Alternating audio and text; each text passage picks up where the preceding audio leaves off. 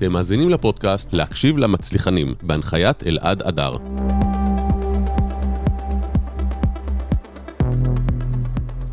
שלום, שלום, מה העניינים? טל ליפשין, מה העניינים? שלום, שלום, אלעד אדר, שלום, מתרגש, מודה כן, שמתרגש. איזה כיף. מתרגש, כן. מומחה לעמידה מול קהל והוא מתרגש, אז איך אומרים, אם בארזים נפלה שלכת, אז מה יגידו אזובי הקיר?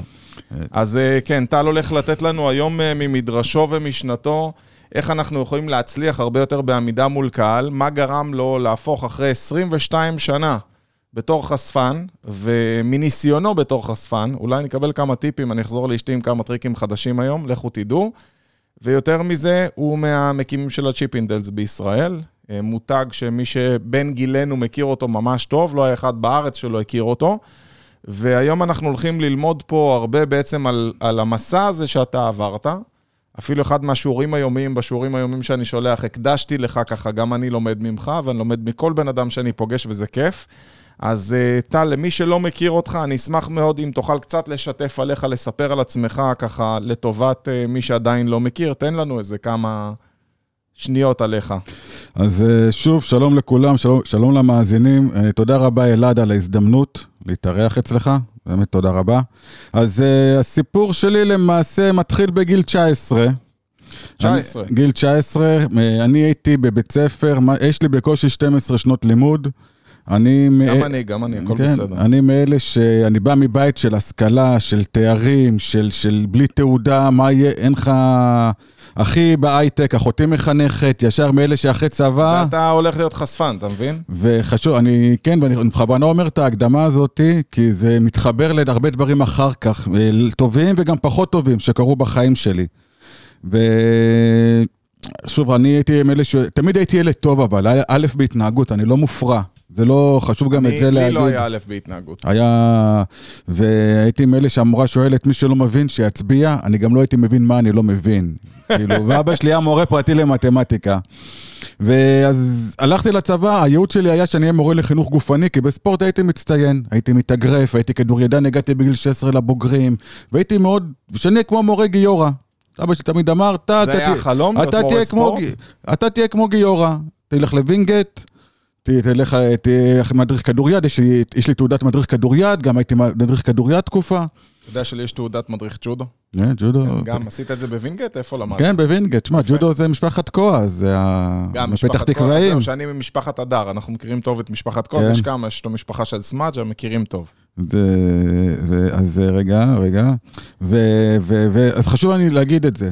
אוקיי? ואני הלכתי לצבא, היה לי פרופיל 64, אה, כי לפני הגיוס, צו ראשון, באחד מאימוני הכדוריד, גם קרעתי את הרצועות בקרסול, ישר הורידו לי פרופיל 64, ואז שלחו אותי למקצועי, לג'וליס, להיות מכונאי טנקים.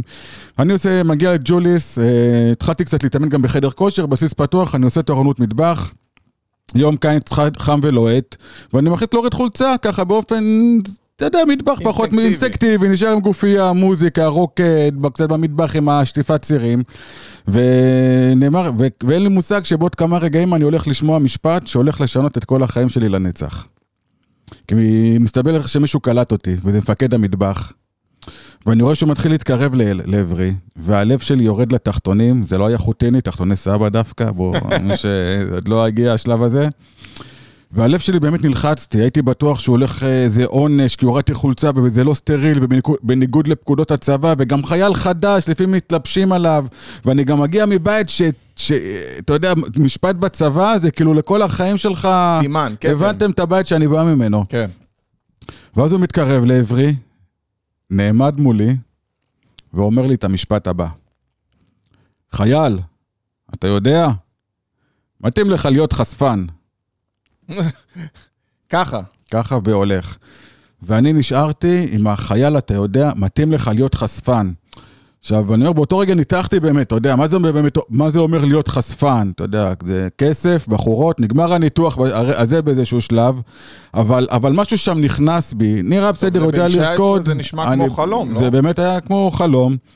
Uh, בדיעבד אני מספר שלי, אני לא ראיתי את עצמי הולך, לא, אני ראיתי את עצמי מסיים צבא כבר בבית, אתה יודע, נורא לוחצים, אתה יודע, זה נורא יושב, ואני לא ראיתי שום דלת פתוחה בפניי. לימודים אין סיכוי, אני לא אלמד ארבע שנים, אני ולימודים.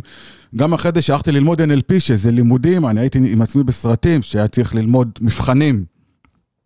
אז אני, ואני אומר שבדיעבד מה שאני שמעתי באותו מקום, שאם אתה רוב החיים שלך נמצא במסגרת שכופים אותך עליה, ואתה נמצא עם הרבה אנשים מבוגרים רציניים שמאשרים אותך על פי ציונים, טוב, לא טוב, טוב, לא טוב, לא טוב, חכם או לא חכם, אה, ואתה לא בוחר בזה, ולאורך המון המון שנים, מאש... לא מאשרים אותך, לא מאשרים אותך, לא מאשרים אותך, לא מאשרים אותך. ללכ... אמרתי ללכת, אוקיי, בתת מודע מה שנשמע לי, רגע, יש שם מורים? לא, יש תעודות? לא, יש uh, ציונים? לא. עובד עובד. אני לא אתן לאף אחד לאשר אותי. כאילו, וזה הפך להיות מנטרה בשבילי. כבר אז התחלת שאף אחד לא יאשר אותך? כבר אז התחיל המקום הזה. אולי תסביר רגע מה זה לאנשים שמצטרפים אלינו ושומעים. מה זה אומר שאף אחד לא יאשר אותי? אף אחד לא יאשר אותי. שמעתי אותך אומר את זה הרבה, וגם כן. כתבנו את זה בפתיח. נכון. אתה אומר מומחה, איך אתה מגדיר גמילה, את זה? גמילה מאישורים. גמילה מאישורים, מה כן. זה אומר? גם יש לי קעקוע פרידום, דום זה חופ, דום זה שולט, פרי זה חופש, רק אני רוצה לשלוט בחופש שלי. אה, זה יושב על זה שבעקבות המשבר שקרה לי בגיל 40, אולי נגיע לזה גם אחר כך, הלכתי לאיבוד. הלכתי לאיבוד בכל בחינה שהבן אדם רק יכול לדמיין. אה, כספית, מינית, גברית, היפוטנטית, דיכאונות, בכי, ממש, אולי ניכנס לזה אחר כך. רגע. אני רואה שזה הולך להיות שידור מאוד מאוד מעניין, ממליץ לכם לשתף מהר את השידור. ובאתי את החופש שלי, לחו, okay. אוקיי. לחוות את כל... והלכתי לדוגמה, הלכתי ללמוד NLP, כן, בתשלומים, אני זוכר שבאתי אליהם, עכשיו אני בא, התכנות שלי, זה לימודים צריך בגרות. בגרות, זה, זה, אני לא יודע שיש דברים אחרים. ואני זוכר שהלכתי אליהם ואמרתי להם אחרי סדנת מבוא, תגידו, ככה בשושו בצד, שלא, אתה יודע. אבל אין לי בגרות. אתם מקבלים אנשים בלי בגרות? די. אמיתי. ואמרו לי כן, ואני כאילו גיליתי את האור. אפשר ללמוד משהו בלי בגרות, ברמות האלה. בגלל זה גם הייתי חשפן יותר מדי שנים, כי האופציה השנייה תמיד איימה עליי. ואני זוכר שהיה מבחן, בסוף הלימודים. וכשהיה מבחן, מה שעבר לי בראש, קודם כל, רגע, אמר לי, רגע, רגע, לא היה מבחן כניסה. אז איך יש מבחן יציאה? הופה. משהו פתאום בכל העולם הזה של התפתחות אישית, התחיל קצת בתוכי למרוד, כי אני, אני, כי, כי חיפשתי מקום שאין מבחנים לכניסה. במקומות כמו פסיכולוגיה, הוראה, לא משנה מה, יש לך מבחני כניסה, אז איך יש לי מבחן יציאה? לא קבעתם את הרף פתאום, אולי, אולי אתם מלמדים רמה חמש יחידות התפתחות אישית ואני בשלוש יחידות, אז לא הייתי נרשם. ודבר שני... מלחיץ אותך מבחנים, טל. כן. ודבר, תלוי איזה מבחנים. ואחרי זה יסביר גם איך זה יתחבר לי לחשפנות. זה קצת, אה, זה קצת אה, מוזר שאתה עסקת בעבודה שהיא אחת המלחיצות ביותר. תגיד פה לבן אדם, בוא תרקוד מול אנשים, הוא מובך. בוא תוריד בגדים מול אנשים הוא מובך. בוא תרקוד ותוריד בגדים, זה הרבה יותר מובך. איך אתה מסביר את זה שכל כך קשה לך עם uh, תחושה שבודקים אותך ובוחנים אותך אחרי שהיית חשפן כל כך הרבה שנים? ואז נולדה השאלה, מי, רגע, מי אישר אתכם לאשר אותי? כאילו, אני לא הלכתי ללמוד שוב פסיכולוגיה, ששם המדינה לקחה protection, ששם, אם אני אקרא לעצמי עכשיו פסיכולוג, אין לי חופש, תבוא שוטר. הלו, מדינה, יש דברים שהמדינה קבעה לנו, ואין מה לעשות, לא, מתווכח, לא מתעסקים עם חוקי מדינה. אבל בהתפתחות אישית, מי אישר אתכם לאשר אותי? אם זה ללמוד פסיכולוגיה, המדינה מאשרת אותי. אני רוצה ללמוד אה, רפואה, המדינה מאשרת... יש מקומות ששם אין לי חופש. למה? ככה, זהו. שחור לבן. אבל אם ככה בצד השני, מי אישר אתכם לאשר אותי? מה אני יכול לעשות? אין לכם באמת את הסמכות. אני מחפש את הסמכות, שוטר עוצר אותי, זהו. יגיד לי מישהו יעמוד בצד, אם אתה לא שוטר, אני עושה מה שבא לי, אתה שוטר, לא, אין לי, אין לי. אז זאת אומרת, ואז ככה אני התחלתי לבנות את החיים שלי, מי יכול לאשר אותי, מי לא יכול לאשר אותי. מי יכול להגיד לי אם אני עושה דברים כן טוב, מי לא יכול להגיד לי עושה טוב. כי, כי כי מאוד קשה בהתחלה למצוא את המקום שלך שאתה מוקף באישורים. אתה הולך ללמוד התפתחות אישית כי הלכת לאיבוד, כי אתה לא מתאים לשיטה, ושוב אתה צריך להתאים לשיטה. רגע, ו- וגם פתאום התחלתי להתמרד, רגע, אם לכולם יש אותו מבחן, אז מה מיוחד בי? הרי הלכתי להתפתחות אישית, לא הלכתי ללימודי וינגייט ששם באמת, הלכתי למקום שבו האינדיבידואל הוא מעל השיטה. כי לי אין לך באמת סמכות לאשר אף אחד. אז לך אתם שוב רוצים שאני אתאמן עליכם, שוב יש לי מבחני זיכרון, אז אם לכולנו פה יש אותו מבחן, וכולנו נקבל בסוף אותה תעודה, אז מה מיוחד בי? כאילו, אני כמו החרדים, כולנו, לא, סליחה, כולנו, ואז התחלתי לאט לאט למרוד, ולהבין שפתאום כמה אנשים התחילו לאשר אותי, אם אני מוסרי או לא מוסרי, כחשפן, ופתאום העולמות התחילו להתחבר וואו. לי. כי הרבה פעמים אתה תתחיל, אה, אני, כי אני סיימתי את אה, לימודי החשפנות, מיתגתי את עצמי. סיימת את לימודי... יש לימודי החשפנות, לימודי החשפנות, סליחה. די נו, אתה מסתלבט עליי עכשיו. כשסי- כשסיימתי את- הקורס, זה נשמע לא- כמו לימודי החרטוט. לימודי ה-NLP, סליחה. אוקיי. סליחה, סליחה, סליחה. ו- ו- ואז התחלתי, אה, והיה לי המון פחדים לפתח את הקריירה. אוקיי. כי קצת נשאבתי... הבלת אותי לגמרי, חשבתי כן, שיש. לימודי חשפנות. א' כל אני לימדתי אנשים להיות חשפנים. שאחד הדברים ש... שלקחתי, שהיום אני מדבר אנשים על הופעה מול קהל, שאני מלמד הופעה מול קהל, זה שאני, בגלל שאין לי יכולת למידה חיצונית מאנשים אחרים, התפתחה אצלי אוטודידקטיות, כי אני חייב להבין את העולם. אני חייב, אני חייב להבין את העולם ברמה של ילד שלא מבין. אני חייב להסביר לו.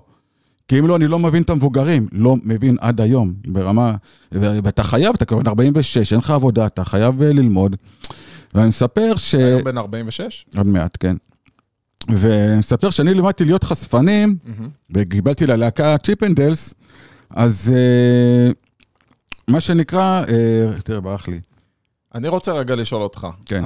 מבחינת הלהקה, מתי הקמת את הלהקה? כאילו, התחלת בתור חשפן. הקם- מה- מה גרם לך להקים להקה? חסך מפגר, אה, שרציתי להרגיש, הייתי, אני במנטליות של שכירים. חשוב להבין. אה, ופתאום, והופעתי באלפי מסיבות רווקות, אלפים, אחי. הרבה נשים, מאות, שהיינו מתארגנים כמה Chippendales, והיו קוראים לי טל יש הופעה, הייתי מופיע עם להקות אחרות, אתה יודע, אבל אתה, mindset של שכיר, בא נותן את השעה שלך, שלום, עובד, עובד, וזה התאים לי, כי בתת מודע, זה הבית שלי, זה מה שאני מכיר. וזה עבד מעולה. בסביבות גיל 32 התחיל להיווצר לי חסך, רציתי להרגיש בוס. רציתי להיות זה ש... יש לי להקה, רציתי להיות זה שהולך ומדבר עם הבעלים של המקום, לא רק אתה וה... ו- ו- ונוצר ממקום של כאב, לא ממקום של עוצמה, וזה חשוב להגיד מאיזה מקום זה בא, מחסך או בדיעבד מצורך. זה היה טוב או לא? זה הדבר שדפק לי את החיים. באמת? למה? דפק לי את החיים. כי אני מנו... הייתי מנו... ידעתי, הייתי שכיר מנוהל מעולה. פתאום צריך להתעסק עם חשבוניות, להיות בוס, זמנים, אתה מופיע מול בחורות ואלכוהול, תלמוד חשפנים. עכשיו הם באים, אתה יודע, זה, אתה לא בבולשוי ואתה...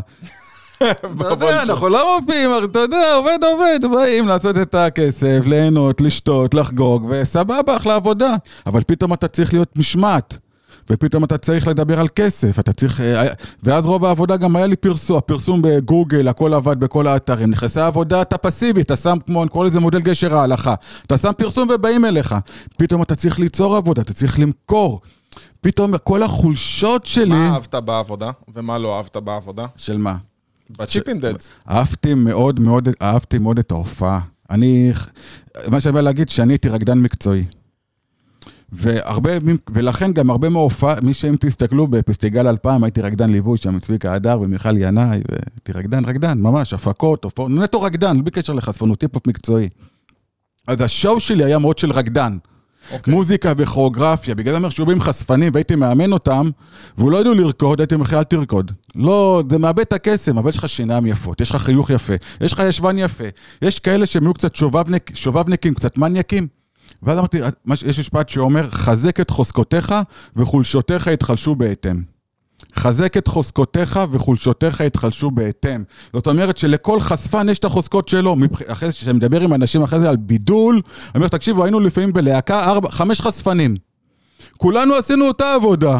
התחילה מוזיקה, התחלנו לבושים, סיימנו נעליים. מה קרה באמצע? זה הבידול. לא, הבידול הוא לא בעבודה. הבידול הוא, אני הייתי רקדן, זה היה שתקן, זה היה נבוך, זה היה פלייבוי, זה היה בן זונה, מותר? כאילו, כן, כן, מותר. אז, אז מה שהיה דומה בין כולם זה אותה עבודה, ה title, אבל כל אחד עשה את זה בגישה שונה. כמה שנים היה קיים ה Chippendales? ה Chippendales, הגלגול הראשון של זה, היה להקה אחרת שהקימו, שני אנשים נחמדים, רוני ואבנר, זה היה התחיל ממש בהתחלה, שעוד לא הייתי חשפן, הייתי השחיין, אני זוכר שהיו אודישנים, ואז הם התפרקו, ואני הקמתי את ה... עם אשתי לשעבר, את הגלגול השני הקמנו, את ה Chippendales, עם המילה Chippendales, נערי החלומות, הופענו בכל הארץ, ו... אבל, אבל שם פתאום גיליתי שאני לא מצליח, אני לא בוס טוב. אני בוס במנטליות של שכיר, בגלל שהייתי... כמה שנים זה היה קיים עד שזה... זה היה בערך חמש שנים. חמש שנים, תשמע. זה לא הרבה עסקים מחזיקים חמש שנים בארץ, חמש שנים זה יפה. זה חמש שנים שסיימתי אותם עם חובות של כמעט 200 אלף שקל. זאת אומרת, זה לא היה רווחי במיוחד. אם היית עובד לבד, היית מרוויח יותר? הייתי עם שתי דירות היום, מה אתה אומר? באחריות. באח... בגלל זה גם נפלתי כל כך חזק. אתה לא יכול ליפול, עכשיו, אני לא תמל, אני לא מנטלית מאלה ש... כי, כי באמת, אומר, איבדתי הכל, את הזהות שלי. זה לא, יש הבדל, אני אומר, הבדל בין לאבד, להיות עצוב ממשהו, או, או לאבד זהות מקום, זה כבר מסוכן. להיות מה עצוב... גרם לאיבוד זהות? העיבוד זהות שכבר לא, לא זיהיתי שום דבר ש, שאהבתי בי, שהכרתי בי. אם זה ברמה של, אני אומר, אחרי 22 שנה, אתה, וחסכתי, אני ברזל, אני לא מאלה של מותג, כלום, אחי, ב mind נשאר לי שאני חייב לדאוג ליום שאחרי. ממש, כאילו הייתי, באמת, אמא שלי אוכלת, הייתה דואגת, על מה אתה עושה? כאילו, הייתי מה? ועזרתי, ממש, אני מאוד... איך ההורים היו עם זה שאתה חשפן? אה, זה, סיפור. אה, כאילו, היה שלב שהסתרת את זה מההורים, ואחרי זה גילית? זהו, זה הלוחם חופש. ורק לאחרונה נפל לי האסימון שאם מול ההורים שלי הלכתי עם האמת שלי, אז אף אחד כבר לא יכול לערער אותי. אה, ואני לפעמים אני, שם- אני עושה את זה כדמיון מודרך לעצמי. אני מרגיש שלפעמים יש לי איזה רגע התנגדות פנימית מול מישהו, אתה יודע, התפתחות, ואז אני מדמיין אותו כמו ההורים שלי. ופתאום הוא נהיה לי קטן. ממש, באיזה שלב אמרת להורים? אחרי ארבע הופעות, באתי, אמרתי להורים שלי את המשפט, אמא, אבא, יש לי משהו לספר לכם, משפט ששום הורה לא רוצה לשמוע. ההורים שלי היקרים, גדי וורדה, אלופים, זכו לשמוע את המשפט הזה. אה, אני שוב, אני בא מבית, אבא שלי חשמלאי שכיר רוב החיים, אה, מאלה שתבינו, שומר עד היום את התעודות של המתמטיקה מכיתה ד', של החשמל, הבנתם? אימא שלי אינטליגנטית בטירוף, מאלה שקוראות ארבע ספרים, ו... אבל היא בחרה יותר, אה, זה דוח של פעם, שאבא עובד אשכנזי. ו... וכשסיפרתי להם, לקחו את זה ממש ממש קשה. כמו, אני אומר, כמו ילד שיוצא מההורים, שההורים שלו לא מקבלים אותו. מה יהיה איתך? למה אתה עושה לנו? זה בושה, זה כתם, איזה עבודה תקבל אותך? אה, עולם תחתון, סמים, ממש כאילו... אה, וכמובן, שאלת השאלות של כל ההורים, למה אתה עושה לנו את זה? יענו, אם עד עכשיו גם משמע. אה, אמרתי להם באותו רגע ש... אני מספיק סומך על עצמי, ואם אני אחליט שזה באמת לא נכון, יש לי מספיק דיגניטי, אני לא... לק- החלטת אחרי 22 שנה, מה? שבסוף זה לא מתאים לך. לא, זה כבר, זה כבר, אה, אתה עובר כאלה גלגולים ב-22 שנה. ו, ו, אבל אמא שלי אמרה לי שני דברים שהלכו איתי. אחד, היא אמרה לי, טל, שאף אחד לא ידע מזה. זה לא... איך אפשר? זה סיפור פנימי שאתה שומר. אתה יודע, דברים, זה, זה תקרת זכוכית שמלווה אותך. הבן אדם היה שואל אותך ברחוב במה אתה עובד, מה היית אומר? אז זהו, הי- הייתי אומר, אני הייתי אומר חשפן, אבל מה שנוצר, אני, ו, ועוד משהו, ואני אגיד, והיא אמרה לי, טל, שלא יצלמו אותך. כי תמונה אחת, לפעמים זה כתם. באמת עד היום אין לי כמעט תמונות, אתה אומר? 22 שנה, אני כולי כמעט מקועקע, בגב, אני, 80% מהגב שלי מקועקע, זה, אבל אם אני עם גופייה לא יודעים, שלא יפגע בי איפשהו, זה איכשהו נתפס. אה, אבל מה שכן נוצר, כל, אני, אני טוען שילד, שאיפה שההורים שלו לא מקבלים אותו, הוא לא מקבל את עצמו. זה בר... אתה, אתה, אתה תמצא זוגיות שתהיה מחליפה, אתה, אנשים זרים. אתה באיזשהו, יש לך, אתה רודף אחרי אישור מסוים שלא קיבלת מההורים. וכל פעם שאמרו לי, לדוגמה, אני אסגור את זה, כי יש לי קצת קפיצות, אז שאני צריך לסגור את אני הסיפור. אוהב קפיצות, הכל טוב. ובאמת שהרבה אומרים, תשמע, זה, זה, זה לא מוסרי, בחורות לא יצאו איתך, איך אתה מוכר את הגוף, אתה מחפיץ את הגוף. הייתי כל הזמן, הייתי מסביר את עצמי, למה זה לגיטימי, למה זה בסדר, למה אני לא עובר על החוק, למה אני עושה שמח. כל הזמן הייתי בהסברים, לא משנה את מה שאני עושה, אבל מסביר את עצמי. בוא, אבל זה לא סוד, יש סקס ב- באירועים האלה. יכול לצאת, אתה לא יכול להגיד לי שב-22 שנה, בוא, היית חסיד אומות עולם. בטח שהיה, עובד עובד. כמו נכון. בכל מקום עבודה, יש רומנים, יש במח- כל מקום עבודה, אני מבטיח לך שיש... אה, אז גם אצלי, אני תמיד, החוק אצלי היה כל מה שהדד, חוקי. חוקי, כמו ששמת לב, אני... חוקי ובהסכמה חוקי, והדדי. הסכמה והדדי, עובד עובד. הלב הוא מדבר. אבל מה שקרה, והיה, אני אומר לך, אחרי זה הם גיל ששאלו אותי, תגיד, טל, כשהיית נשוי זה לא הפריע לאשתך, פיתויים, קודם כל מי שמפריע לשלום. אתה כבר כל כך מקבל את עצמך, אתה מבין עד כמה אתה שופט אנשים לא לפי הטייטל בכלל, זה לא, אתה, אתה כל כך, את, אני הופעתי מלא עם בוקינג נאה וכל מיני מצלמות, אתה יודע, הופעתי במקומות של הכי פח, אתה יודע, ואתה נמצא עם האנשים ואתה, ואתה נמצא גם עם אנשים הפוך על הפוך, רגע, אני אגיד ככה. ו, ו, ואז אחרי שבע שנים, כל פעם הייתי מסביר את עצמי, וענן, וכל פעם חיפשתי כל מיני דברים. הייתי גם, אה, אנשים לא יודעים, הייתי סטנדאפיסט בקאמל קומדי קלאב. די. הייתי אומן בית בקאמל עם שחר חסון, בברלד ובבן ברוך. וואו. בבן ברוך היה, היינו יושבים אני ובן בן הרבה לילות ביחד. זה, כל פעם חיפשתי דבר, הייתי ליצן רפואי בבתי חולים, למדתי כל מיני דברים ש, שזה הופעה מול קהל תמיד. בלי, ולא צריך מישהו שבאמת מאשר אותך. אבל אחרי שבע שנים מופיעה תמונה שלי בעיתון, במקומון של פתח תקווה. שעד אז שבע שנים אני הילד הכי טוב בעולם. הכי טוב שילד יכול, עוזר ותומך, כדי להוכיח להם שלא המקצוע עושה את הבן אדם, אלא הבן אדם את המקצוע. ו- וזה לא עבד, לא הצליח. ופעם הייתי מספר את זה ובוכה, אמיתי הייתי בוכה. ו- ו- ו- ו- ו- ו- ואמא שלי באה אליי בבוקר, אחרי יום שישי, עם העיתון. עם המקומון של פתח תקווה, והיא אומרת לי, טל, ביקשנו ממך, למה אתה עושה לנו את זה? למה אני צריכה שהשכנה ממול תגיד לי, ראיתי לבן שלך את התחת? וזה היה רגע, אחי, הייתי, תראה, זה, הייתי בוכה. בהרצאות שאני מספר את הרגע הזה, הייתי בוכה. ואז... אה, וזה היה רגע שאני הרמתי ידיים על ההורים, הרמתי, לא ידיים, הרמ, ויתרתי. כן, הרמת ידיים מול ההורים. הרמתי ידיים, הרמתי ידיים מול ההורים שלי, ואמרתי להם, אמא, אני חושב ששום הורה לא, לא אמור להתבייש בילד שלו, ולא משנה מה הוא עושה. ואני לא עובר על החוק, ואני לא גונב. אמא, אין לי לימודים, אין לי אופציה אחרת. מי, מי. יש לי חשבונות לשלם, מי, קלקל? יש לי הלא, בן אדם צריך להתפרנס בעולם הזה, אני לא עובר על החוק, אני לא גונב, אני בא ועושה שמח.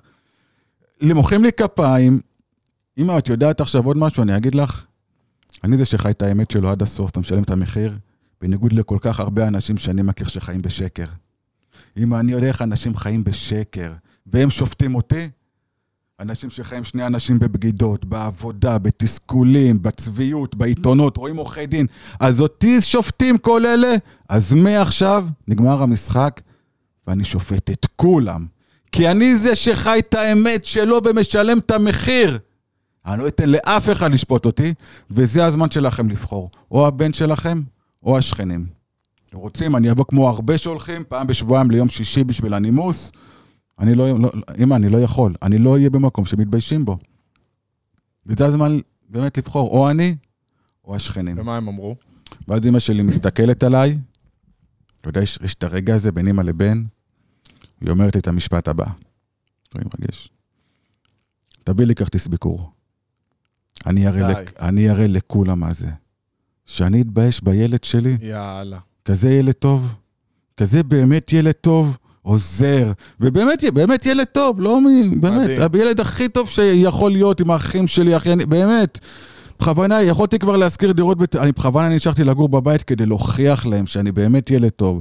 אני, אני תמיד הייתי מביא את סבתא בפסח, כדי, לא, באמת. ו, ו, אבל אז קרה עוד משהו מעניין. שמאותו רגע שאימא שלי קיבלה אותי, בהם, לא ב... אתה יודע, באמת. כל מי שהיה אומר לי, חשפן זה לא מוסרי, ואתה מחפיץ את הגוף שלך, ואיזה בחורות יצאו איתך, לדוגמה, כל מי שהיה אומר לי, תקשיב, הרבה בנות לא יצאו עם חשפן. אם עד אז הייתי כן, אבל למה? מי שבוגד בוגד, אני יודע, אתה מתחיל. הייתי אומר, מעולה. שבחורה לעולם לא תצא אם היא לא מסכימה בעבודה של הבחור, וזהו. אתם חושבים שזה לא מוסרי? מעולה. לעולם אל תעבדו בעבודה שלא מוסרית. הפסקתי להסביר את עצמי. וזה הסיפור הפנימי. הפסקת להצטדק. הפסק, הפסקתי להצטדק, הפסקתי להסביר את עצמי. מה הגיע קודם.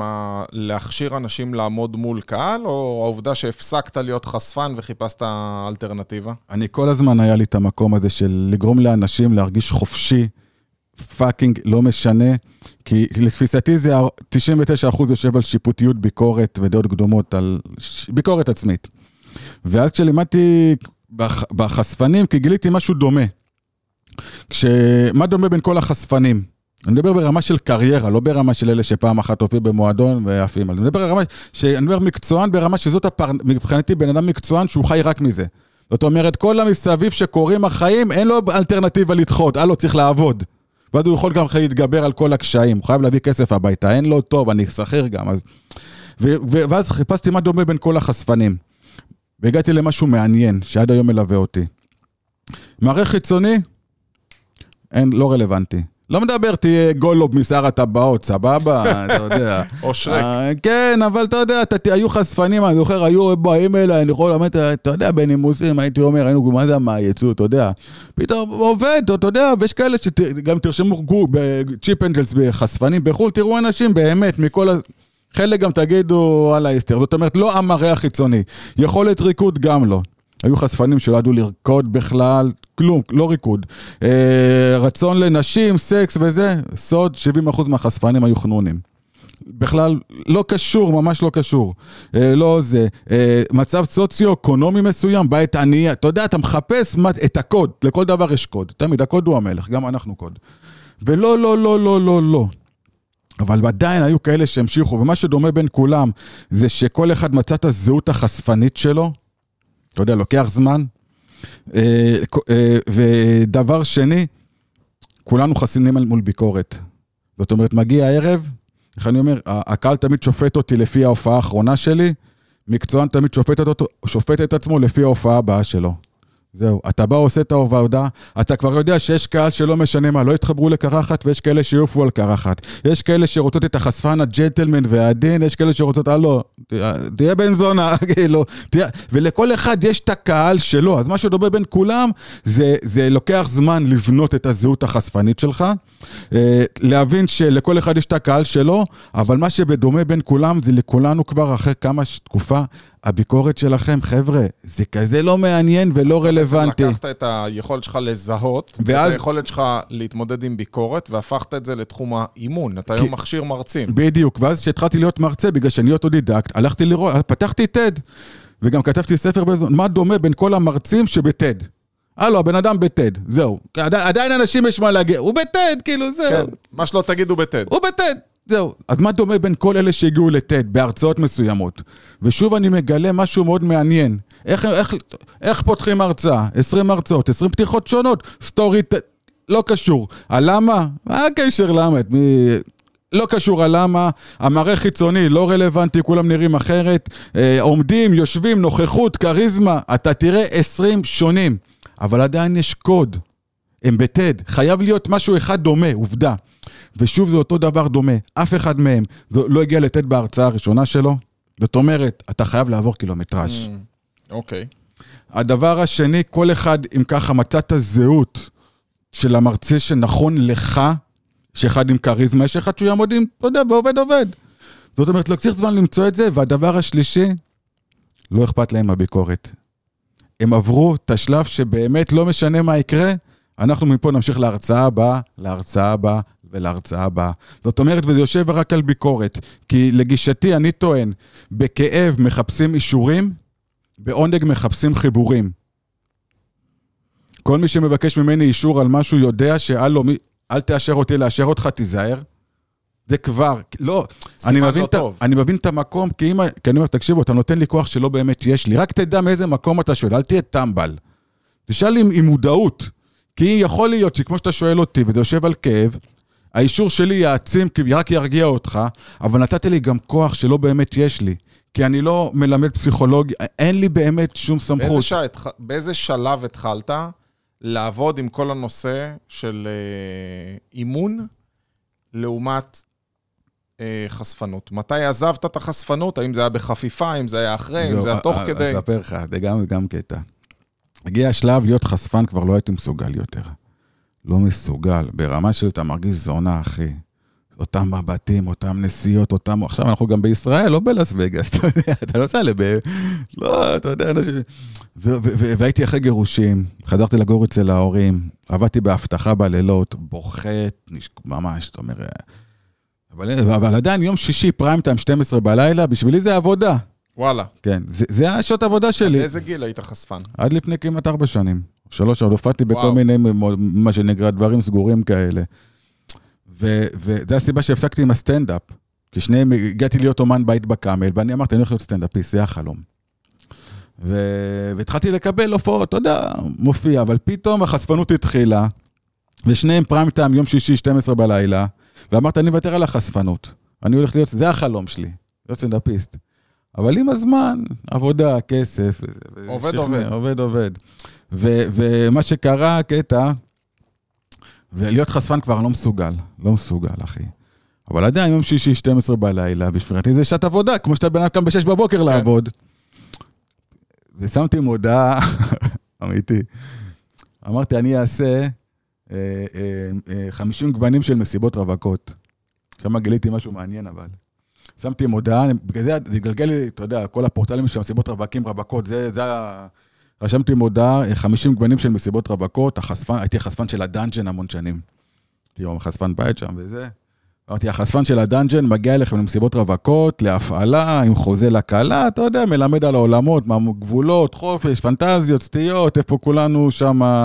פיתחתי מודל שקוראים לו מודל האורגזמה, משהו מטורף, דרך אגב, מה זה אומר? דילוגים. אני- זה כבר לא קשור, אבל גיליתי שיש... סיכנת את כולם, מה זה מודל האורגזמה? מה מודל האורגזמה? גיליתי את הפאנץ', שוב, אני לוחם חופש. הכל יושב על זה. וגיליתי שיש סיטואציה שאף אחד מאיתנו לא יכול לשקר בה. אף אחד לא יכול לשקר בה. אני עכשיו יכול לחרטט. בא לי פוזה, אני... בא לי לחרטט עד מחר, אני לא... שוב, אני... הבנתי קצת. וזאת אומרת, אני יכול לשקר עכשיו, את כל הסיפורים. יש לי אינטרס. זאת אומרת, יש לי כוח לשקר. יש לי, יש לי את החופש. ו- וגם מי ששקרן פתולוגי, גם, הוא חייב לדעת על מה לשקר באיזשהו מקום, אבל גם, אבל יש סיטואציה שאף אחד מאיתנו בחיים לא יכול לשקר בה, ולא משנה מה. לא משנה מה, ואני כאיש של דוגל לחיות את האמת שלי, מצאתי שיש סיטואציה שאני לא יכול לשקר בה ולא משנה מה. ואף אחד בעולם, בעולם לא יכול לשקר בה. באיזה סיטואציה זאתי? בשנייה של האורגזמה שלך. על מה שאתה מפנטז, לא יעזור לך. זאת האמת, גם אם זה הכי דוחה אותך וזה הכי נגד, לא משנה, הכי דוחה על מה שגדלת, אתה הומו, אתה תתחיל עם בניות, זה יגיע, בשביל להגיע ברגע הזה, יופיעו בנים. ואז אמרתי, אם יש רגע שאני לא יכול לשקר בו, אני, ואני רוצה, והוא גם נעים, בוא נעשה לו modeling. ככה, כי אני רוצה לחיות ככה. ואז, ואז, ואז התחלתי לנתח מה מונע ממני להגיע לרגע שהוא הכי נעים והוא הכי אמיתי שלי. ואז הגעתי למסקנה, ככל שיש לך על הרגע הזה שיפוטיות ודעות קדומות, אתה מתרחק, אתה מתחיל הכי רחוק, עם הזמן, טה טה טה טה, ובום, מגיע לרגע בשביל, כי הדחף ירצה. ואז הגעתי למסקנה שככל שיש לי יותר שיפוטיות ודעות קדומות על עצמי, על איך צריכים לעשות דברים ואיך כל דבר, אני מתרחק מהאורגזמה הפנימית שלי, של איך שאני רוצה לחיות. שככל שיש לנו יותר שיפוטיות ודעות קדומות, זוגיות, עכשיו יש לך את הקוד הפנימי שלך לכל דבר, לכולנו. עובד, עובד. אבל ככל שיש לנו שיפוטיות ודעות קדומות, שזה משהו חברתי, לא מולד, חברתי, אתה יותר מתרחק מה- מה- מהחיות האורגזמית שלך, אתה מבין מה אני מתכוון? אבל אתה יודע, יש לך בסופו של דבר גם אחריות כלפי אחרים. מי שאיתך, זה נכון, אנחנו רוצים להיות כנים ורוצים להיות אמיתיים, אבל כן. מתי זה הגבול בין זה שזה פוגע במישהו אחר בזה שהוא איתך? החופש לבחור. החופש לבחור מתי זה פוגע. שאני אני לדעתי, סחטנות רגשית זה אלימות, זה אני מסכים איתך במאה אחוז. לכל דבר. אני מנסה ללמד את זה את הבת שלי בת חמש וחצי, שזה גם אה, סחטנות רגשית, ואני אומר לה, אני אגיד לך איך אני, איך אני, מה, מה אה, כי מבחינתי אה, גלי קול זה גם מגע. מבט זה מגע. כל מה שאני מרגיש מול משהו זה מגע. חוק, נקודה, נגמר. למה, למה, זה הסיפור. עכשיו, אה, אני נמצא בהרבה עולם של ביקורת. אני למאומנים שלי לא מרשה לקבל ביקורת בהתחלה, רק ממני. לא מסכים, לא מרשה, אסור. אין לכם, אין לכם כרגע, בפלס הרגשי, מ-1 עד 10, הפלס הרגשי, כל עוד הכאב הוא מ-1 עד 5, יש לנו בחירה חופשית. כשזה מעלה ל-6 כבר, הכאב עולה, 7 כבר אין לי מה לדבר. הכאב מנצח ידע. בגלל זה אני לא מרשה להם עדיין, כי לפעמים אתה לא יודע מי המודל יבוא אליך, ולי זה קרה. זה קרה גם לי. אה, פעם מישהי בא אליי אחרי הרצאה, וחשוב להבין את זה, יש משהו בעולם ההתפתחות האישית שהוא נוראי. זה אלימות שקטה, זה, זה המיטו הבא זה הביקורת לדעתי, אני קורא לזה, אה, הנה הניתוקים. אה, תלמד לקבל ביקורת, הכוונה היא טובה. תלמדו לקבל סוג של נורא ואיום, נורא. לא, א' כל לא צריך ללמוד שום דבר שכואב לנו. זה, זה קודם כל אין. שלום. פעם באה אליי מישהי, אמרה לי, אני, יכול, אני יכולה לתת לך ביקורת? אמרתי לה, לא. היית בהלם? כן, נעלבה. זה, זה שבחורה הולכת לרקוד במועדון, ומישהו אז אני רוצה, יכול להזמין אותך לרקוד, לא, זה שאני פה זה לא אומר כלום, אין, אין לי אם ואז, חופש, חופש. ביטלתי את כל האם ואז שלי. אה, כל... ואז היא אמרה לי, למה לא? יש לי כוונה טובה. את הביקורת הטובה תיקח, את הביקורת, את הביקורת הלא טובה אל תיקח. איך זה נשמע? כמה פעמים אנחנו שמענו את הדבר הנוראי הזה? עכשיו, אני רק אגיד משהו לפני זה, אם נוכל נראה כמו נוכל, הוא לא יכול להיות נוכל. Mm. תמיד תזכרו, אם נוכל נראה כמו נוכל, הוא לא יכול להיות נוכל. אם משהו נשמע קצת משכנע, לכו תדעו, בתת מודע זה קצת שטני, זה כאילו נשמע טוב, נכון. אבל... הרבה מאוד מהאנשים שמנסים לפגוע בך אומרים את זה דרך כאילו ביקורת טובה או ביקורת חיובית. על אותו משקל. נכון, ואחר כך אתה מרגיש מאוד רע עם הביקורת. עכשיו, עכשיו, ש... כל המשחק הוא בחירה חופשית. אני לא איש חינוך. אני לא מנסה לחנך. אני איש שרוצה שיהיה לך את החופש שלך לפי הקוד שלך, לא שלי. יש את שלי. ואז אמרתי לה, את יודעת מה? בוא נעשה ניסוי. קודם כל, בקשר יש לך כוונה חיובית. נשמע, איך זה נשמע? עולם יפה ומושלם. גם להורים שלנו היו כוונות חיוביות כלפינו. וזה לא תמיד עזר, נכון? זאת אומרת, כוונה חיובית בוא נשים בצד, ראינו שזה לא מה שיבנה לי את החיים לפעמים לטוב. דבר שני, ותקשיבו לזה, כי, כי, כי, כי זה חשוב מאוד, במיוחד בהתחלה, שכל השדים שלנו צפים. יש לי חבר, ככה אמרתי לה, אחי, ואני אומר את זה למלא. יש לי חבר שרוצה לגעת בה, שהרבה זמן לא נגע בבחורה. תני לו לגעת בך, אני אשמור. את המגע הטוב תיקחי, את המגע הלא טוב, אל תיקחי. באמת, הוא מקסים והוא בסדר, הוא אבל הרבה זמן, את יודעת, הוא בסדר, הוא יש לו כוונות, הכוונות שלו טובות, הוא בחור טוב, אני חותם. תני לו לגעת בך, את המגע הטוב תיקחי, את הלא טוב אל תיקחי. איך זה נשמע? אה, לא, לא. כי גם גלי קול זה מגע. רובנו, מה שקצת כואב לנו קצת, ויכול להיות, וזה חיים שלמים לפעמים לשחרר, זה לא כי מישהו נגע בנו פיזית, כי הוא אמר לנו משהו, מישהו עם סמכות בחיים שלנו, עם טון דיבור, בום. וזה חדר וזה נשאר, וזה קשה לשחרר, זה קשה, לא קשה, קשה מאוד. יש אנשים שגם זה לא חייב להיות מישהו סמכות, זה נכון שאנשים בעלי הסמכות בחיים שלנו משפיעים עלינו הרבה יותר. Mm. אני שמעתי פעם מישהי ששנים היא הייתה מאוד מאוד שמנה, ולא עשתה שום דיאטה. עד שילד בן חמש, שהיא עמדה לידו ברחוב, והוא אמר לה, גברת, את יכולה לזוז, את מסתירה לי את השמש. והיא באותו רגע נפגעה עד עומקי נשמתה, שהיא כזאת שמנה שהיא מסתירה לילד בן חמש את השמש, והיא החליטה מהכאב הזה לעשות את הדיאטה. אז באמת, כל תקשורת היא, פוגעת. וזהו, סליחה, אני, ואז מבחינתי, אם ככה, שאם מישהו יבוא לבת שלך, או לכל בן אדם, והוא ייגע בפיזי ככה, לא נעים, אתה תשאל אותה, תשאלי איפה זה פוגש אותך? זה שיעור, זה שיקוף, אנחנו הכל שיקוף, מכיר את כל השיקופים, כן, כן, כן. ואם מישהו ייגע בך פיזי ויהיה לך לא נעים, ואת, ו, והוא יגיד לך, לא, זה שיקופים, תבדקי איפה זה פוגש אותך, למה זה, מה השיעור, מה התיקון, תעשו את זה? אה, פתאום לא. זה אותו דבר, אותו, עכשיו לי שילמו לגעת. אז מה, אתה אומר נגד ביקורת? אתה אומר, אל תבקרו? שוב, הכללות זה לא, לא, אני נגד, עוד פעם, הכללות לא יוצאים. אני בא ואומר שבמיוחד בהתחלה, בהתחלה חובה, אתה עדיין רך מדי, אתה עדיין עם כאב גדול מדי, אתה עוד אין לך ניסיון, הכל פה נכנס לה, עוד אין לא רכשנו מה שנותן ניסיון.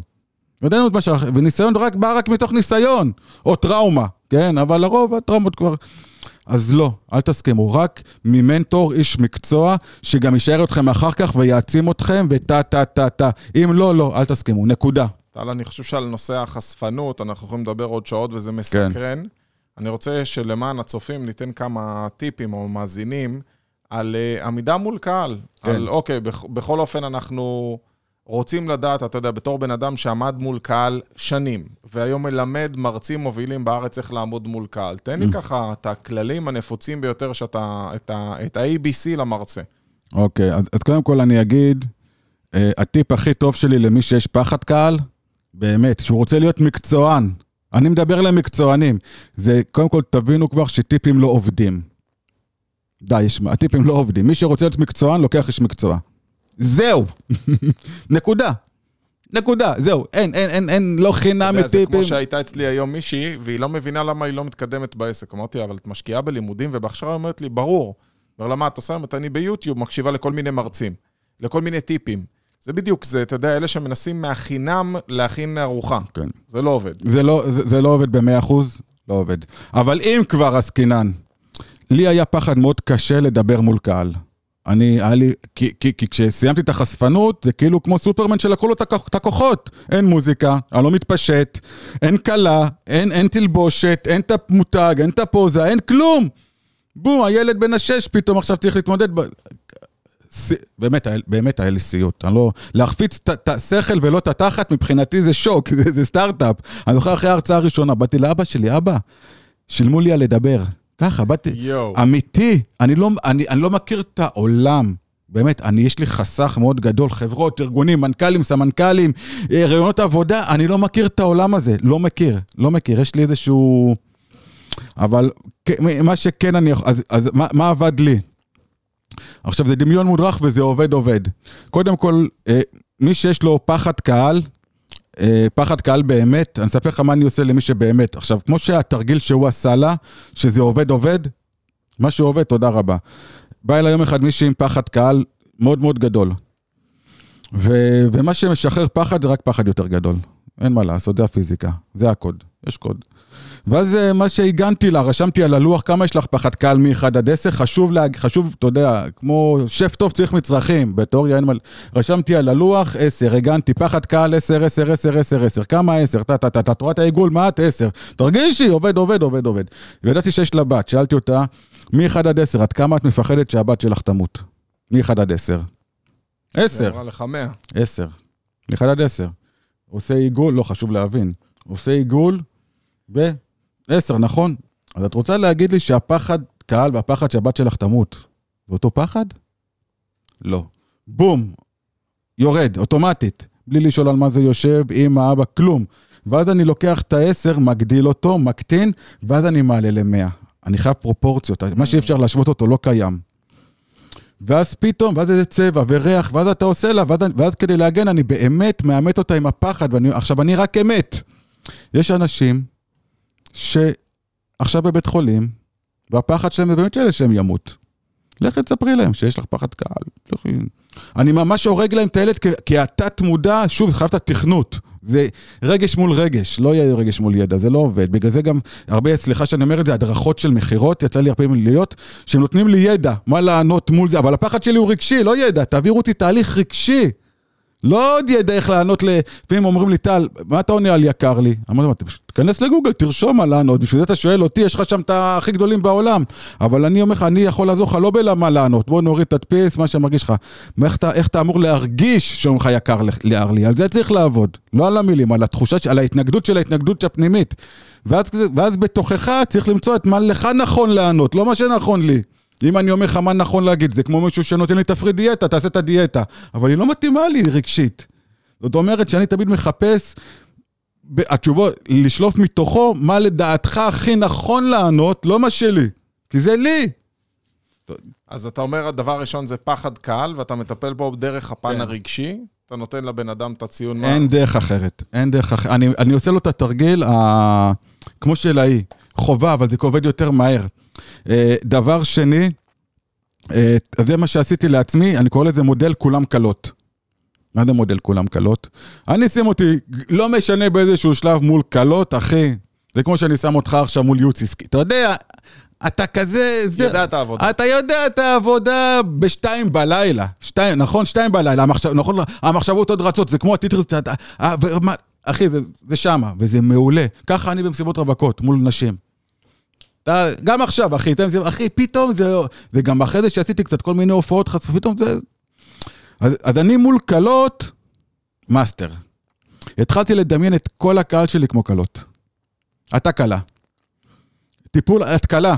לקחתי את טל החשפן, ושיחה, כי הייתי חייב כרגע חיזוק עוגן, שכרגע אין לי אותו, אין לי. אז אני, בוא, טל חשפן, בוא תעזור לי רגע. והתחלתי לדמיין את כולם כמו כלות. אז מה אתה אומר, שכל אחד ייקח את המקום שנוח לו? באה אליי מישהי שהיא רואת חשבון עם פחד קהל, אמרתי לה, מול מה אני... עכשיו, אם אני אגיד לך, תדמייני את כולם, זה לא עובד כי זה שלי, אני חייב, לא בפי העולם הפנימי שלה, ואז יש הלימה. מול, ככה אני שואל, מול מה יש לך הכי הרבה? אני חייב את העשר של המה, אני חייב קיצוני. שאם מישהו יגיד לך, תקשיבי, את לא מבינה בזה כלום, מה לך ולזה, תפרשי, תגידי לו, הלו, יאללה, סע, סע. נכון שאין אישור, אין אישורים. שוב, תמיד יושב על חוסר אישורים. ואז היא אמרה לי, רואת חשבון מקסימה. היא אמרה לי, דוחות. אמרתי לה, כולם דוחות. הרי באמת כולם דוחות, ואת מרצת רואת חשבון, הם כולם דוחות, ופתאום, בום, כולם דוחות. וזה עובד עובד, זה חייב לעבוד כי זה קוד. ולכל אחד, אם את מאפרת ממש טוב, כולם עכשיו אה, קלות של איפור. תדמייני את זה, ת- ת- מה שנוח לך. קחי את שני הדימויים, שוב. שזה בדיוק הפוך למה שאומרים, אומרים תדמיין את כולם ערומים, אבל הדבר האחרון שהייתי רוצה זה לדמיין את כולם ערומים. בגלל זה הדבר שאני נגד, בגלל זה בהלימה שלי זה נגד כפייה.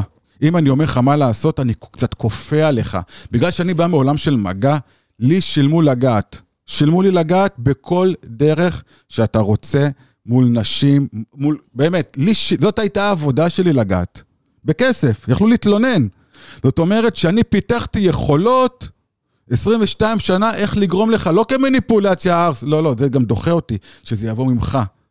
אתה מבין? זאת אומרת, אני, נורא חשוב לי, הרפור, נהייתי אומן ברפור. כשהתחלתי להרצות, אני פתאום, אני מול קהל, אני קולט שאני קולט הכל. הכל, הכל, הכל. וככה שאם אני יודע שאתה תהיה אמור להרגיש בנוח, לא מולי.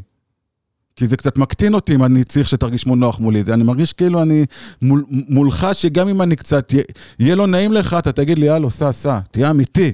אתה מבין? תן לי טיפ אחרון לפני שאנחנו מסיימים בעמידה מול קהל. טיפ אחרון בעמידה מול קהל, אה, מי שרוצה באמת, תדרשו תשלום. הדרישה של התשלום פתאום מוציאה מאיתנו יכולות, כי מישהו שילם לנו. זאת אומרת, אתה מעריך גם את עצמך יותר. כן, כי אני טוען במכירות, ועם זה נסיים, בן אדם משלם על שני דברים. מצד אחד הוא משלם על המוצר, נכון? מה שזה כולל, הוא משלם על עוד משהו אחד. מה זה? הוא משלם על הזכות להתלונן. בניגוד לחינם. אם מצאתי מקרר ברחוב, אני לא עובד, אתה לא מתלונן. אבל אם שילמתי, זאת. אומרת, עובד, עובד. זאת אומרת, שברגע שיצרנו את המקום שאפשר להתלונן עלינו, זה גורם לנו להיות יותר טובים ולהתעמת עם אתה הפחדים. מתאמץ יותר. עובד, עובד. יפה, אהבתי. שאלה אחרונה לסיום. מה זה מבחינת אה, טל אפשין הצלחה? אה, תלוי, מבחינת, תלוי, תלוי בכמה, אה, תלוי מול מי ותלוי מול מה. ההצלחה של היום זה לא הצלחה של מחר. הצלחה שלך. ההצלחה שלי זה, אני חושב, זה להמשיך במה שאני עוסק בו אה, מבחינת אה, עבודה ומקצוע, כי נוצר לי, אני, אומר, נוצר לי, השאלה מה תעשה שלא תהיה חשפן, מה שהפילה אותי. היא היא ריסקה אותי, ולא יודע, אני בגיל 42 לא היה לי מושג מה אני הולך לעשות בחיים שלי. עם מינוס מטורף, ו, והמקום הזה שפתאום מבחינתי שאני יכול, אני הייתי נתמך על ידי ההורים, ממש, נתמכתי, חגרתי אצלם, נתמך, זה נוראי, נוראי. וזה גם השפיע על הזוגיות שלי, של המון המון מעגלים. אז זאת אומרת, אני מבחינתי הצלחה עצם זה שאני יכול להתפרנס בלי למכור את התחת, אמיתי. מדהים. למרות שזה אותה עבודה בסופו של דבר, אותה חשיפה, אותם ביקורות, אותם אנשים, זה, הכל אותו דבר. רק לבוש. נשבע לך, אותו, אותו דבר. אני אומר, חבר'ה, החשיפה בסופו של דבר עלתה מפה, עלתה לפה. אותם ביקורת, אותה שיפוטיות, אותה, הכל אותו דבר. אנשים זה אנשים. אז מבחינתי, קודם כל, קודם כל, זה, זה לצ, לפרנס את עצמי, אה, מקום אה, שיש לי עבודה. באמת, עד היום אני, יש לי, אתה יודע, לפעמים זה כמו בחור שהיה שמן מאוד ורזה, אבל בבטן, בפנים הוא עדיין שמן, ולא משנה מה יש במראה, בפנים. אז אני באיזשהו מקום, יש לי עדיין את אותו ילד, שמה תעשה ביום שאחרי, והחוסר ביטחון, כי אין לי תעודה. עד היום שאני רואה אנשים עם תעודות, אני כאילו, יש לי איזשהו, וואו, יש להם תעודה, הם יודעים... אתה כבר מבין שלא חייבים תעודות בשביל להצליח? בהיג... בהיג... אני אומר, בהיגיון אתה מבין הכל. אבל תמיד יש את ה... יש משפט שאני מאוד אוהב אותו, שאני כתבתי, התת מודע תמיד רוצה לחזור לזירת הפשע. לא יעזור. אהבתי. אתה... אז מבחינתי, ההצלחה במקום הזה, זה מבחינתי הצלחה, כי זה עכשיו ההר שאני עליו. וכל פעם יש הר אחר שמגדיר את ההצלחה שלי. טל ליפשין, אתה בן אדם מרתק, אנחנו כבר 50 דקות בשידור, בדרך כלל? אני חצי שעה ככה מעביר אה, לאט-לאט. עובד עובד. עובד עובד. אני רק אגיד מה זה עובד עובד, לא הספקתי. יאללה. אה, חולצה עובד עובד, כן.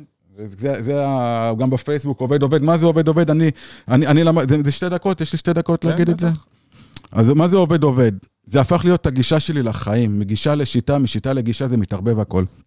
אני למדתי NLP, התחלתי לטפל NLP ואמרו לי, תגיד טל, ה-NLP הזה זה אמיתי או שזה חרטא? עובד, עובד. לא יודע, אבל זה עובד על מישהו, זה מה שחשוב, האדם תמיד יותר חשוב מהשיטה. עובד, עובד. וגלגול נשמות וכל הטה טה טה, תגיד, זה אמיתי, חרטא כל ה... אמרתי, לא יודע, אבל זה עובד על מישהו, זה מה שחשוב, עובד, עובד.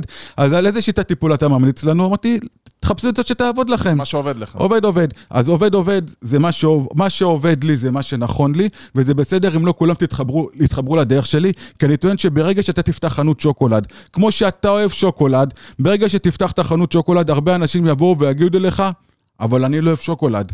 לא רק זה, ייכנסו לחנות שלך אנשים שאוהבים הלוח, יטעמו את השוקולד שלך ויגידו, אבל לי זה לא טעים. משהו לא בסדר בשוקולד שלך. חלקם גם יגידו משהו לא בסדר בך, איך אתה מכין כזה שוקולד שלא טעים לי. ופה רוב האנשים יסגרו את החנות, ותמיד אל תשכחו את הדבר הבא, מי אישר את זה שמאשר אתכם. אם זה מישהו מהתברואה שאומר, או מישהו ממשרד הבריאות שלא טעים, או, או משהו לא בסדר בשוקולד, זהו, הוא, הוא חזק, אתה חלש. אם זה תמיד, אז זה, זה לא מה אומרים לנו בחיים. יותר משפיע עלינו מי אומר לנו את הדברים האלה. וזה המלך. טל, מרתק מאוד. עובד, עובד. אנחנו עובד. נתראה בשידורים הבאים של Successful להקשיב למצליחנים. אתם מוזמנים uh, להיכנס ל Spotify, ל SoundCloud, ל Apple Podcast, ל Google Podcast או לפייסבוק שלנו, ולעקוב, ואנחנו מאוד מודים לכל מי שהיה איתנו בשידור, כולל לאימא שלי שאפילו צפתה והתעניינה. אמא של אלעד, אחלה. עובד זה עובד. זה אבא. עובד עובד. ביי ביי. אתם מאזינים לפודקאסט להקשיב למצליחנים, בהנחיית אלעד אדר.